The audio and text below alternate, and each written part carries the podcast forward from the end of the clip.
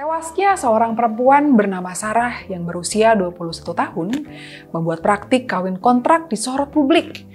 Praktik kawin kontrak marak terjadi di kawasan Puncak, serta di wilayah Bogor dan Cianjur, Jawa Barat. Sarah yang merupakan warga Kabupaten Cianjur baru saja dinikahi oleh Abdul Latif yang berusia 29 tahun dan merupakan warga negara asing Arab Saudi. Abdul Latif diketahui telah menikahi Sarah secara siri selama satu setengah bulan di Cianjur, Jawa Barat. Lantas, apa yang terjadi dalam pernikahan mereka yang menyebabkan Sarah meninggal dunia? Apakah sudah saatnya praktik kawin kontrak dihentikan? Saya Yorin Halatu, welcome to Headline.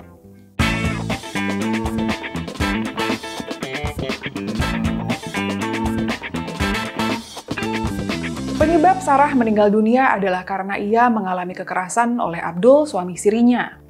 Abdul bertindak keji dengan menyiksa, melakban, dan menyiram Sarah dengan air keras. Nyawa Sarah tidak tertolong saat menjalani penanganan medis di RSUD Cianjur pada 20 November 2021 lalu. Pelaku menyiksa korban lantaran cemburu buta dengan pria lain. Polisi mengatakan telah mengamankan barang bukti air keras yang digunakan Abdul untuk menganiaya Sarah. Atas perbuatannya itu, polisi menjerat Abdul Latif dengan pasal berlapis, yaitu pasal 340 KUHP tentang pembunuhan berencana dan pasal 338 tentang pembunuhan serta pasal 351 KUHP tentang penganiayaan hingga mengakibatkan korban meninggal dunia. Bupati Cianjur Herman Hermansyah mengatakan, dirinya menerima informasi bahwa keduanya melakukan kawin kontrak sekitar tiga bulan setelah dirinya mengeluarkan peraturan bupati mengenai pencegahan kawin kontrak pada Juni 2021 lalu. Pemerintah Kabupaten Cianjur menerbitkan peraturan bupati yang melarang praktik kawin kontrak tepatnya pada 18 Juni 2021. Dalam peraturan bupati tentang larangan kawin kontrak tersebut, belum terdapat aturan mengenai sanksi apabila ada pelanggaran. Komnas Perempuan dan Perlindungan Anak mengecam keras peristiwa tragis tersebut, sekaligus menyatakan penolakan terhadap praktik kawin kontrak. Karena kawin kontrak berisiko besar dan sangat merugikan kaum perempuan dan anak-anak yang keberadaannya tidak mendapatkan perlindungan secara hukum. Kawin kontrak dan nikah siri bertentangan dengan Undang-Undang Nomor 1 Tahun 1974 tentang Perkawinan dan Undang-Undang Perlindungan Anak Nomor 35 Tahun 2014. Ironisnya, Kasus kawin kontrak ini difasilitasi oleh penduduk setempat dengan menyediakan jasa penghulu, bahkan wali hakim jika sang calon mempelai perempuan tidak mendapat persetujuan dari orang tuanya. Harta berkecukupan dengan pemberian uang bulanan, serta bisa diajak jalan-jalan ke luar negeri oleh suami dalam kawin kontraknya itu membuat tidak sedikit perempuan yang tergiur untuk terlibat dalam kawin kontrak. Kabupaten Cianjur, Jawa Barat tidak jarang disebut-sebut sebagai destinasi wisata seks dan kawin kontrak bagi turis luar negeri. Hal ini dikarenakan banyaknya ditemukan praktik kawin kontrak di sana dengan kliennya didominasi oleh turis dari Timur Tengah. Fenomena kawin kontrak di Cianjur paling sering terjadi di tiga wilayah Cianjur, yakni Puncak atau Cipanas, Sukaresmi, dan Pacet. Kawin kontrak biasanya dilakukan dalam waktu seminggu hingga 1 sampai 3 bulan Bares Krim Polri pada Februari 2020 lalu menyebut fenomena kawin kontrak di kampung Arab Cianjur merupakan modus dari tindak pidana perdagangan manusia. Menanggapi praktik kawin kontrak yang marak terjadi di Cianjur, Ketua Komnas Perempuan, Andi Yentriani mengatakan, perlu peran para pemuka agama yang memberikan pemahaman kepada warga bahwa kawin kontrak bisa merugikan perempuan.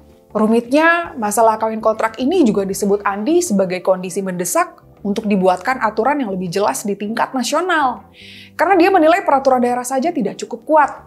Komnas Perempuan menyebut kasus kematian Sarah di Cianjur merupakan kasus yang dikategorikan sebagai femisida, yaitu kekerasan yang mengakibatkan kematian perempuan. Dalam tiga tahun, kasus femisida diklaim naik hingga melampaui 1.100 kasus per tahun. Komnas Perempuan juga menyebut kebanyakan pelaku femisida merupakan orang terdekat korban. Sementara motifnya antara lain disebabkan dendam atau sakit hati, cemburu, pertengkaran, ekonomi, menolak rujuk, kehamilan yang tidak dikendaki, selingkuh, pemerkosaan, atau menolak ajakan berhubungan seksual. Meski kekerasan terhadap perempuan bisa saja terjadi dari jenis pernikahan apa pun, namun dalam kawin kontrak, dampak yang dirasakan pihak perempuan bisa dua kali lebih besar. Pada praktiknya, pihak perempuan dalam kawin kontrak tidak dianggap sebagai istri yang sah secara hukum negara, sehingga tidak mendapat perlindungan hukum. Dari situ dampak turunannya adalah perempuan tidak berhak atas nafkah dan warisan dari suami jika meninggal dunia. Selain itu, dia juga tidak berhak atas harta gonogini jika sewaktu-waktu terjadi perpisahan. Anak yang lahir dari praktik kawin kontrak juga dianggap anak luar kawin. Artinya dalam pandangan hukum, hanya memiliki hubungan perdata dengan ibu dan keluarga sang ibu sesuai dengan pasal 43 ayat 1 Undang-Undang Perkawinan Nomor 1 Tahun 1974, kecuali mengajukan permohonan hubungan perdata dengan Bapak dengan membawa dokumen pembuktian DNA ke pengadilan. Yang lebih parah, anak dari hasil kawin kontrak juga tidak mendapat pengakuan dari sang ayah, baik dalam urusan perwalian, pendidikan, pengasuhan, terlebih hak waris. Lalu yang menjadi pertanyaan besar sekarang adalah, mengapa praktik ini masih saja terjadi di masyarakat Indonesia?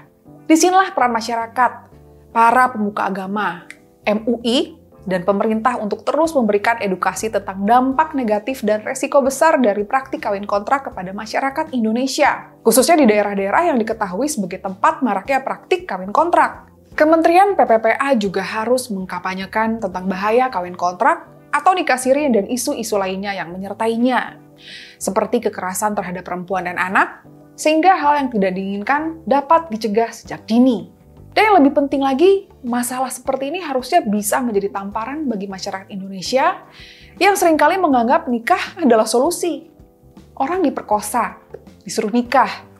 Orang hamil dini dan tidak direncanakan di luar nikah, solusinya nikah. Seakan-akan asalkan seks itu di dalam pernikahan, langsung tidak ada masalah lagi. Pandangan seperti inilah yang memicu praktik kawin kontrak Demi melakukan seks di dalam pernikahan, dilakukanlah pernikahan meski hanya untuk jangka waktu beberapa minggu saja. Yang penting tidak seks di luar nikah. Itu saja fokusnya. Sudah saatnya kita membangun budaya yang lebih rasional. Isu yang seharusnya kita respons adalah bagaimana meningkatkan kesadaran dan pemahaman orang tentang resiko seks maupun pernikahan dan bagaimana mencegah resiko tersebut terjadi, termasuk mencegah kehamilan dini atau kehamilan yang tidak direncanakan dan mencegah terjadinya kekerasan dalam pernikahan. Orang mesti mendapat edukasi yang lengkap tentang cara-cara mendeteksi potensi kekerasan, meskipun selalu ada celah untuk hal itu tetap terjadi.